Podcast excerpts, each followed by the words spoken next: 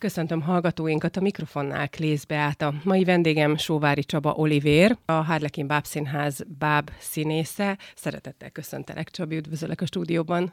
Üdvözöllek, szervusz, köszöntöm a kedves hallgatókat.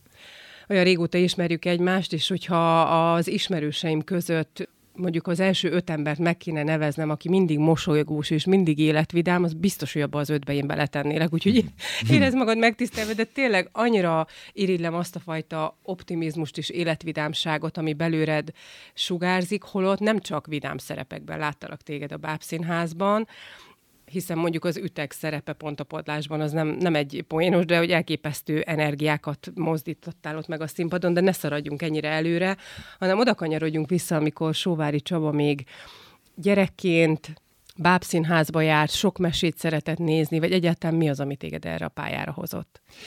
Volt életemben óvodás koromban egy olyan motivum, amikor jöttek hozzánk az óvodába egy produkcióval, egy bábszínház. Én megnéztem azt az előadást, és úgy döntöttem, hogy én akkor és ott, hogy én színész leszek. És Nem aztán... Báb, hanem rendes színész. Prózai színész. színész. Igen, hogy prózai színész leszek.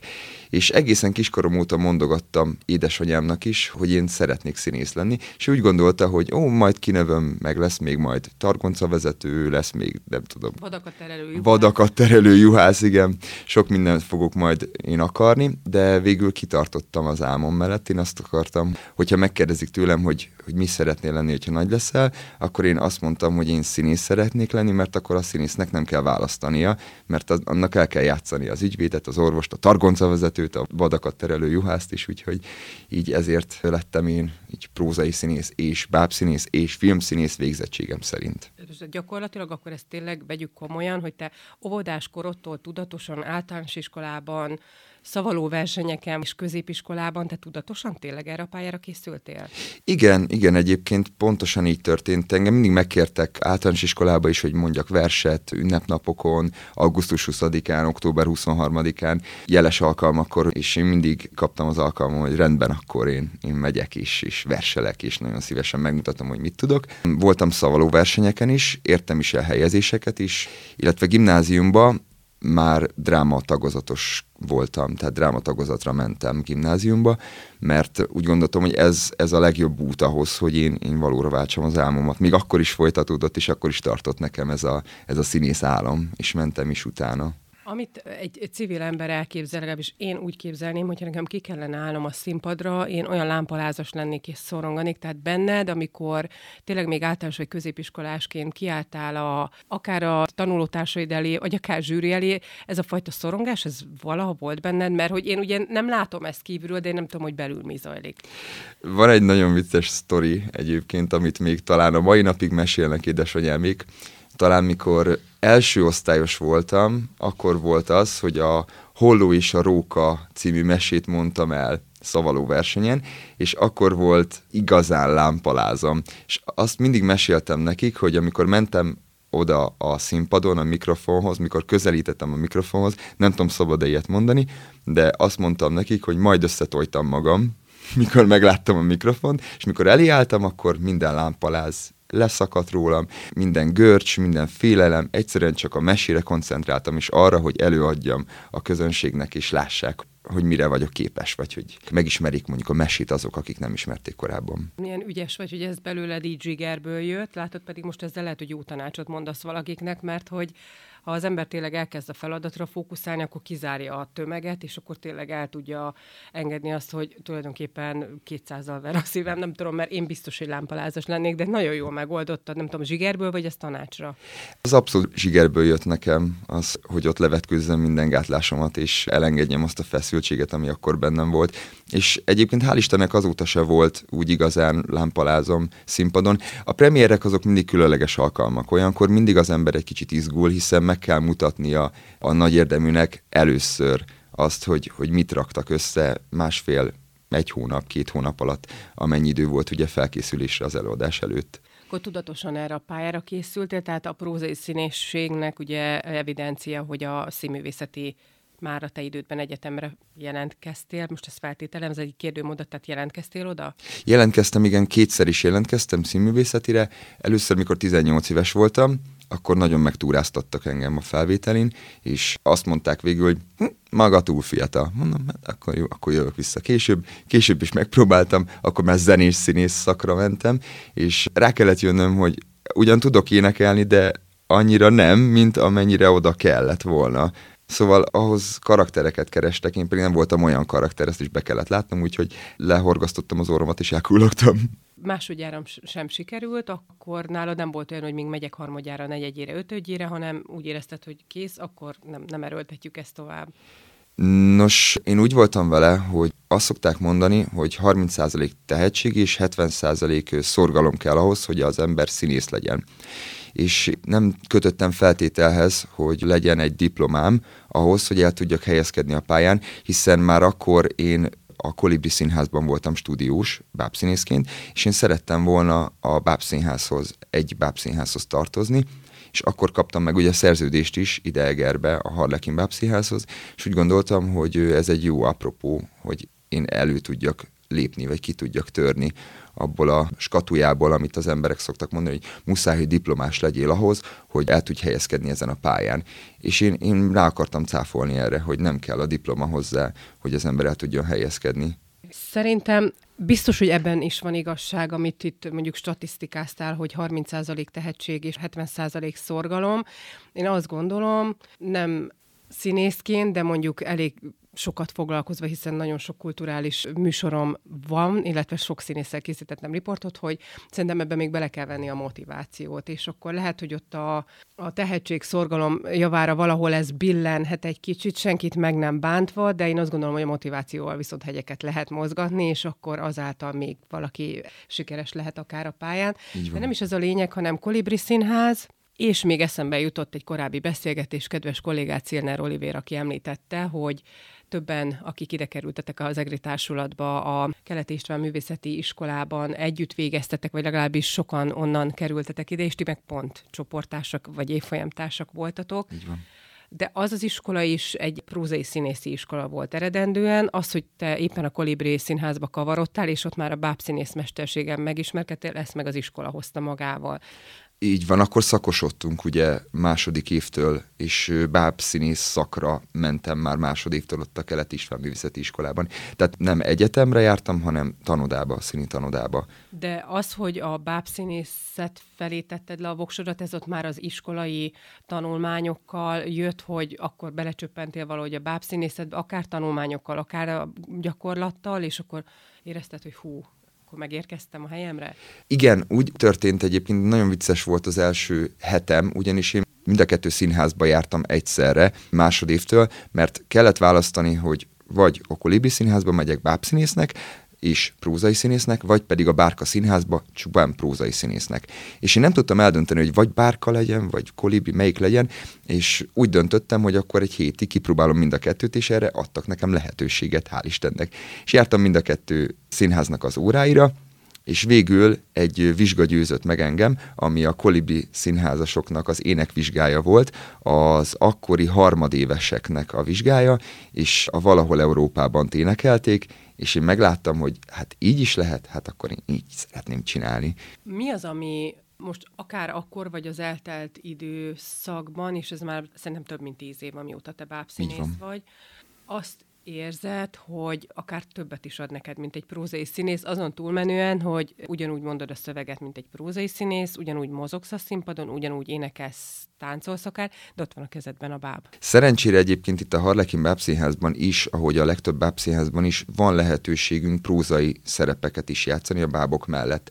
Én úgy vagyok vele, hogy a báb szerintem egy plusz dolog, hogyha az ember, a mozgató, a bábszínész életet tud lehelni egy élettelen tárgyba, és azáltal varázslatot visz a színpadra, szerintem az egy, az egy olyan elbűvölés a nézők számára is, hiszen a báb az nem korosztály, hanem stílus kérdése. Én azt gondolom. Nektek vannak ezek a TI és előadások, amit főleg középiskolákba visztek, és ugye tudom, hogy hát szinte mindegyikben szerepelsz. Jeruzsálem. Imádom. Antigóni, Jeruzsálem, Aranyvirágcserép, Nagyon sokban Szent Iváni volt még, Hamlet, Rómeó és Júlia, hat Tehát ami volt, abban voltál, ha jól... Majdnem mindegyikben, igen. Mert hogy valahogy érzik a rendezők, hogy ez nagyon élik a te karakteredhez, ez, hogy ott viszont nem a bábon van a hangsúly, ugye, hanem, hanem úgy a szituációkon. Vagy nem ott nem is nagyon bábozunk. Uh-huh. Gimnáziumba szoktuk általában vinni, illetve most kezdünk ugye nyitni az egyetemisták felé is, és az nem mozgat bábokat, nem használ bábos figurákat, ilyen bábos elemeket persze tartalmaz, nem tudom, cipőfűző megelevenedik benne, például az aranyvirág cserében, de a hatodik pecsétet azt kihagytam, ami egyébként a legutolsó volt, amiben szerepeltem, ilyen TIA és előadás, és igen, azok csak bábos elemeket használnak, de konkrét bábokat nem. Abba a prózai színhátszáson van a hangsúly és a, a fókusz ha már most így felidéztük az előadásokat, van-e egy személyes statisztikát, hogy akkor gyakorlatilag hány éve vagy a pályán, azóta hány előadásban szerepeltél, és hány főszerep volt ebből?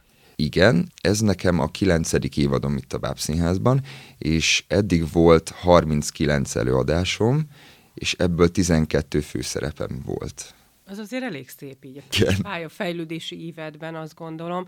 És gyakorlatilag, ahogy az elején elmondtam, hogy te milyen vidám és életigenlő és pozitív ember vagy, de voltak neked azért nem csak pozitív, meg nem csak vidám szerepeid, gyakorlatilag a személyiségedből fakadóan melyik áll hozzád közelebb? Tehát azt gondolhatnám, hogy igenis a vidámabb, virgoncabb szerepeket tudod jobban eljátszani, vagy mondjuk a komoly, akár mondjuk egy Hamlet, vagy bármi nagyon érdekes kérdés, mert én szeretem ezeket a stílusú előadásokat is, amiben mondjuk egy herceget játszok, vagy egy öt éves gyereket, nagyon, nagyon sokrétű, vagy nagyon széles a skála, amin én mozgok a bábszínházban is szerepek terén, és én nagyon szeretem azokat is, amiben vidám vagyok, amiben önmagam vagyok, amiben meg tudom mutatni, hogy milyen vicces karaktereket is tudok megszólaltatni a színpadon. Ugyanakkor pont ez a jó benne, hogy van lehetőség arra, és pont a legutóbb említett hatodik pecsétben is volt rá lehetőségem, hogy a, a színpadon, jelen esetben ugye a tanteremben, tantermi színpadon sírjunk, sírjak jelenleg. Nehéz sírni a színpadon? Ez amúgy egy nagyon faramúci kérdés, mert azt szokták mondani, hogy gondolj szomorú dolgokra is, akkor az ember elkezd azon morfondírozni, hogy jaj, halál, meg jaj, veszteségek, meg hasonló dolgok, de én olyankor azt szoktam felidézni magamban, amikor egy szomorú zenét hallottam, ami úgy megérintett engem, vagy aminek a szövege nagyon közel áll hozzám. Én arra szoktam olyankor gondolni, és hát akkor, mint akinek megnyitották a csapot, és akkor elkezdenek áradni az érzelmek. Ott a, pont a hatodik pecsétben ugye pont egy ilyen szomorúbb karakter voltam, akinek igazából a karakterfejlődés szempontjából egy vicces, vidám karakterből lett egy szuicid hajlamú, depresszív srác. De úgy az életben te attól függetlenül, hogy én mit látok kívül, hajlamos vagy nagyon magas és mély amplitúdókon mozogni?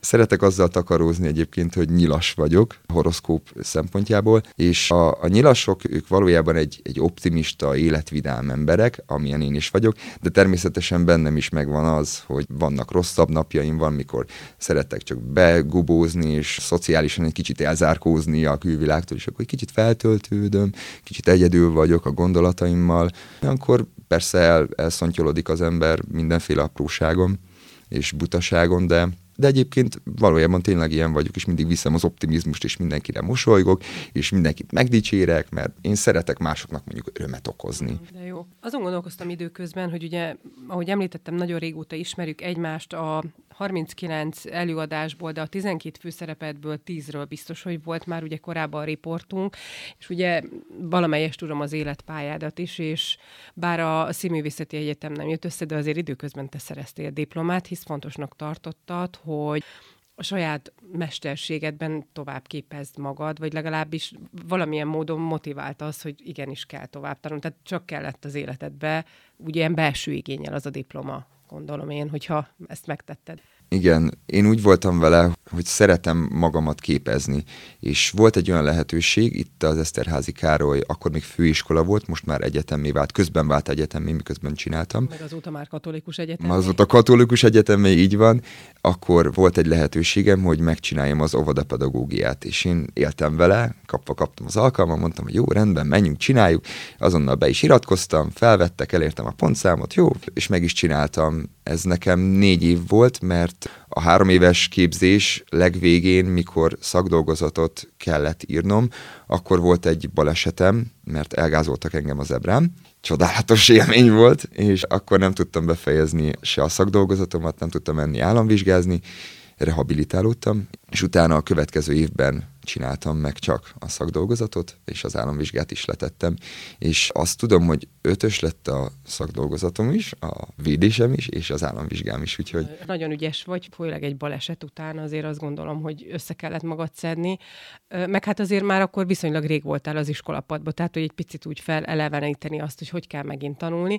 Óvodapedagógus, hát én téged annyira el tudnálak képzelni egy óvodában, óvóbácsinak, azt tudja, hogy minden gyerek fürtökben ne rajtad. Gyakorlati időt, amikor töltötted, ez így volt? Így, igen, igen, hál' Istennek, az viszont sajnos nagyon kevés a, a férfi példakép egy óvodában. Néptáncosok szoktak ugye oda menni, akik férfiak, és ők is ugyanúgy ezt a visszajelzést adják, hogy a gyerekek folyton rajtuk csüngenek, és iszták minden szavukat, és nálam is így volt. Nem is kellett fegyelmezni, tehát a gyerekek azonnal itták minden szavamat nekem is, és, és amúgy borzasztó jó élmény volt. Nekem a záró gyakorlatom az ugye egy 8 hetes gyakorlat volt, mikor minden héten, minden munkanapon be kellett mennem reggel 8-tól, délig ott kellett lennem, aztán én mentem át a színházba próbálni este 8-ig, este 8-tól írtam a következő napi tervezeteket az óvodába, aztán megint mentem ugye reggel 8-kor, hétvégén megírtam a szakdolgozatomat, szóval az egy nagyon, nagyon érdekes. És intenzív időszak Intenzív volt, volt igen, abszolút, persze. Azért te is egy a szakma iránt elkötelezett és ambiciózus bábszínészé váltál, ugye képezted tovább magad, sok kollégád, nem mindenki, de páran a bábszínészet mellett kipróbálták magukat a, a rendezésben is. Vannak-e neked ilyen ambícióid? Rendezés terén nincsenek ambícióim, Persze mindenkinek vannak ötletei, amiket szeretne megvalósítani, de én nem érzek magamban annyi ambíciót, hogy, hogy én, én most neki álljak, és akkor rendezzek, vagy kigondoljak egy darabot azért. Ahhoz nagyon sok mindennek kell összeállni a fejben is, hogy, hogy legyen egy, egy komplet képem róla. Nekem csak ötletem van, az pedig azt pedig nem, nem hiszem, hogy csak úgy olyan könnyű lenne megvalósítanom, de koreográfia terén nagyon elhivatott vagyok, és volt már egyébként egy ilyen lehetőségem, hogy koreográfusként megmutassam önmagamat. A Fehér Lófia című előadásunkban én voltam a koreográfus, és azt nagyon élveztem, és mondtam is Rikának az igazgatónknak, hogy, hogy szeretnék még majd a közeljövőben ilyen lehetőséget kapni. Már pedig a koreográfia azért az egy tánc, az egy mozgás. Ahhoz meg ezek szerint van úgy ötletet, hogy összerakt, hogy ki, hogy merre mozogjon, milyen lépésekkel legyen úgy egyben a színpadon? Igen, igen. A zene, a tánc, a színjátszás az gyerekkorom óta elkísért, szóval én mindig, hogyha meghallottam egy ritmust, elkezdtem rám mozogni, és akkor járt a lábam. És én úgy gondoltam, hogy hogyha már ennyi mozgás és ennyi, ennyi kreativitás van bennem, alkotói ambícióimat kiélve szeretném akkor így megmutatni önmagamat. Számos előadást láttam itt, ugye, amikor a gyermekeim kisebbek voltak, és mindig olyan tisztelettel néztem azt, hogy mennyire komplex egy bábszínésznek a feladata, hiszen a színpadon tényleg nem csak kiáll, és mondjuk Hamletként a monológban mondjuk lehet, hogy percekig a színpadon áll, hanem mozog, jön, megy, és különböző báb technikákat alkalmaztok. Az, ami most hirtelen nagyon az eszemben van, a Bambi amiben gyakorlatilag szerintem kisebb fajta gerinc sérvet kaptál, mert ugye szinte végig derékszögben kellett lenned a színpadon.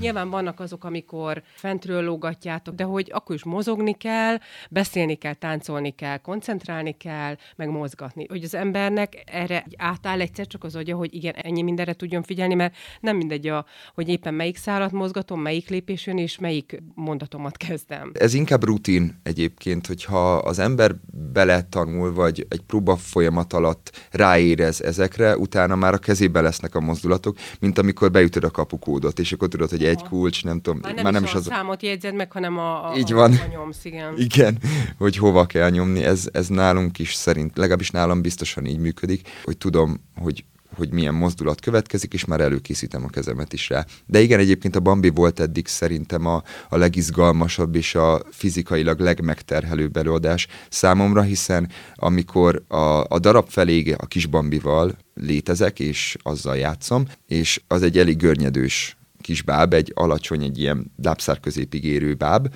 volt, aminek a hátán volt egy nagyobb üreg, amiben bele tudtam nyúlni a jobb kezemmel, és azzal tudtam a lábait mozgatni egy benne lévő szerkezettel. Egy marionett szerkezet volt benne a lábához kapcsolva, illetve a fejébe volt egy fejpálca, azt pedig a bal kezemmel mozgattam, az pedig a búnakú báboknak a sajátja. Uh-huh. Ezért hívjuk ugye ezt kimíra típusú báboknak, mert kevert a technikája. És az volt a nagyon izgalmas benne pontosan, hogy miközben mozgatom a lábát, a fejével másképpen tehát a bal kezem más csinált, mint amit a jobb kezem is, mindezt egyszerre történt, mint amikor kavarodott egy begrízt, és közben megsütöd a rántottát, nem tudom. Körülbelül tényleg, igen. Csak egy emlék, hogy általános iskolában én énektagozatra jártam, és ott tudom, hogy volt egy olyan feladat, hogy a két kezeddel különböző ritmust kellett lekopogni, és nem, nem mindenkinek ment. Valakinek ez megy, valakinek nem. Én emlékszem, ötös kaptam, úgyhogy büszke vagyok utólag is magamra. Lehetsz bábszínész is. Ha már ilyen szempontból a legemlékezetesebb előadás a Bambi volt, hogy azért úgy fizikálisan is beleadtál apait, anyait. Úgyhogy tényleg az eltelt 39 előadás, 12 főszerepére gondolsz, akármilyen szempontból is mi az, ami a legemlékezetesebb még számodra? Most a Bambit éppen kiemeltük ilyen okokból, de mi az, ami úgy érzed, hogy akár úgy a, a szakmai áttörésedet elhozta, ami különösen kedves élmény volt, volt esetleg utólag belátva egy kicsit kevésbé jól sikerült előadás, hogy esetleg ilyenről is őszintén lehet beszélni. Igen. Akkor szedjük szét. Jó, ami még fontos volt az életemben, előadás, az a Rómeó és Júlia. Azt nem csináltuk végig azt a próba folyamatot, hanem én azt átvettem azt az előadást, egy korábban megrendezett előadásról beszélünk, és ahhoz az előadáshoz egy újabb szereplőgárdát találtak, ami kvázi mi voltunk és mi átvettük a kész előadásból a színészektől a mozdulatokat, a bábokat, és kvázi újra lett rendezve ugyan, de, de maguk a bábok és maguk a, a díszlet elemek az mind adott volt nekünk. És én játszottam benne Rómeót a Rómeós Júliába, és ezt a, még a Somogyi Tamás rendezte nekünk, és emlékszem, hogy azért volt ez nekem nagyon meghatározó, mert hát tudjuk, miről szól a, a történet a Rómeós Júlia, halál, elvesztés, szerelem, szerelmi csalódás. De akkor, mikor igazán intenzív volt nekünk az előadások sora, akkor kiutaztunk Pécsre, ez 2018 januárjában volt, ha jól emlékszem, és én akkor veszítettem el a nagymamámat. És nekem úgy kellett Pécsen játszanom ezt az előadást, hogy bennem volt az az elvesztés fájdalom, ami azt egy, egy héttel előzte meg a nagymamám halála, utána ugye egy héttel kellett játszanunk hogy nem is, nem is telt el annyi idő szerintem. A lényeg az, hogy nagyon közel volt egymáshoz a kettő, és én nekem még nagyon friss volt az az élmény, és pont ez volt benne a legrosszabb, hogy ugye mivel én ott játszottam, nem mehettem el a nagymamámnak a temetésére sem, sajnos. De ott én akkor neki játszottam. Én azt éreztem, hogy, hogy akkor most én most kiadok magamból mindent, és, és hát szerintem jól is sikerült. Hát biztos, mert ott aztán nem kellett megjátszani. Igen. Nem csak a színészség jött előre, hanem a valódi emóciók, amik úgy benned tomboltak. Hát Igen. nagyon nehéz lehetett őszintén, ezt nem, nem is tudom, főleg, hogy tényleg azért olyan sok mindenki a nagymamájához mennyire kötődik, hiszen gyerekkori emlékek hozzájuk fűznek. Igen. Más előadás, ami esetleg utólag visszanézve lehet most másképp csinálnád, vagy azért alapvetően a rendezői instrukciók alapján te mindent a magad legjobb képessége szerint megtettél? Ez mind a kettő igaz uh-huh. egyébként, hogy én úgy gondolom, hogy, hogy mindig megteszek mindent azért, hogy egy darab vagy maga a szerepem az jó legyen. Viszont a legrosszabb, amit elkövethet egy színész, az, hogy visszanézi magát a felvételről. És, és akkor ezt... van a fejfogás, hogy atya, Isten. Hogy ez jön át, miközben én teljesen más élek át odabent. Akkor az ilyen típusú visszanéztem, és megrökönyödtem saját magamon előadás, az melyik volt? A legmeghatározóbb az Antigóni, ami ez szintén egy TI előadásunk Aha. volt, és én én, én azt éreztem, hogy hú, ez belülről mennyire átéltem, és milyen komoly érzelmekkel dolgoztam. De voltál benne ki? Hajmon. Hajmon. Hajmon voltam benne, meg hát az elején a tébai mondakört meséljük el, uh-huh, uh-huh. és abban is vagyok Oedipus is, meg több szerepet is játszunk uh-huh. benne. És mikor visszanéztem a felvételről, akkor láttam, hogy hú, de szeriőzen játszom, hú, de nem ide való, hú, de nem jó, nem jó, még többet kellett volna, meg túl szerény volt, túl gyenge volt, és akkor utána onnantól kezdve egy kicsit másképpen játszottam, szóval volt haszna, hogy visszanéztem, csak hát azt át kellett utána esni egy pár napos lelki csalódáson, hogy én most tehetségtelen vagyok, én nem vagyok ide való, nekem nem jó ez a darab, nem tetszik. Ja, hogy ilyenek is megfordultak a fejedbe? Persze, persze, hogy feladom az egészet, mert ez, ez nem. Hogyha tényleg ez jön át, akkor nem. De aztán utána ráébred az ember, hogy csak egy kis másféle motivációra van szükség, vagy más intenzitásra egy előadáson belül. Voltak nektek azért olyan legendás előadásaitok régen-régen, amit tényleg nagyon sokáig játszottatok a dzsungel könyvét, amiben te sírkán voltál, most pedig ugye június 30 óta megy a padlás, amiben te vagy üteg, és a herceg, és elképesztő impulzitással adtad tényleg mind a két szerepet, és ezekről nem beszéltél. Tehát, hogy amennyire az ember azt gondolna, hogy ezek milyen elképesztő előadások és szerepek, számodra mégsem ezek voltak, amik ugyannyira meghatározóak voltak. Dehogy nem, ezek is nagyon meghatározóak, félértés ne esik, csak most nagyon sok minden kavarog a fejemben, mégiscsak 39 előadásról beszélünk, és próbálom azokat kiragadni, amik nem a legkommerszebbek, vagy nem, nem azok, amik így magától értetődőek. Mm. De természetesen ez a sirkán volt az első olyan nagyobb szerepem itt a Bábszínházban, ami nekem ilyen terápia volt. Én ki tudtam üvölteni belőle a fájdalmamat, a, a csalódottságomat, a haragomat, így van. Lehet egy szerep a terápiás jellegű? Igen, igen, akár a szomorúság is, a fájdalom, elvesztés, bánat, dű, minden, mindent ki lehet adni uh-huh. a mhm. színpadon is, hiszen akkor tudsz valós érzelmekkel dolgozni és a sírkenes pont ilyen volt, hogy, hogyha éppen haragudtam valakire, vagy valamire, vagy rossz napom volt, akkor felmentem a színpadra, elénekeltem a sírkánnak a Száza kérdés című dalát, és utána lejöttem a színpadról, és mint akit kicseréltek. Tudod, ledöltem a kanapéra, és akkor jó, akkor én most ezen túl vagyok, ígyunk meg egy kávét. A herceg és ütegnél, tehát azért ott komolyan mondom, a két felvonás alatt szerintem aki a legtöbb energiát beleteszi mozgással, izgágossággal, idegállapottal, nem tudom, az te vagy. Nyilván ezt hozza a karakter, de hogy ugye még Sóvári Csaba extra karaktere is benne ezt hozza ki. Igen, igyekszem egyébként mindig nagyon nagy energiákat mozgatni a színpadon, hiszen akkor válhat mondjuk egy karakter izgalmassá. Én, én mindig szeretem egyébként ezt így kicsit feltornázni az energiaállapotomat, hogy milyen magasabb lángon tudjak égni a színpadon, hiszen mégiscsak az a célunk, hogy, hogy szórakoztassunk, és hogy ha már egy ilyen energiaszintet megütök, akkor én, én azt gondolom, hogy, hogy azt a néző nem fogja úgy lereagálni, hogy hűha, milyen gyenge volt. Ha legalább az erősségemet akkor hadd mutassam meg, és igen, ez ilyen, ilyen nálam. De amikor ennyi energiát beleadsz a szerepbe, mert hogy ezt követeli a haza, meg ezt követelette saját magaddal szemben, meg nyilván a rendező instrukció. Azért van olyan, hogy elvesz belőled egy előadás, most akár lelkileg, akár fizikálisan?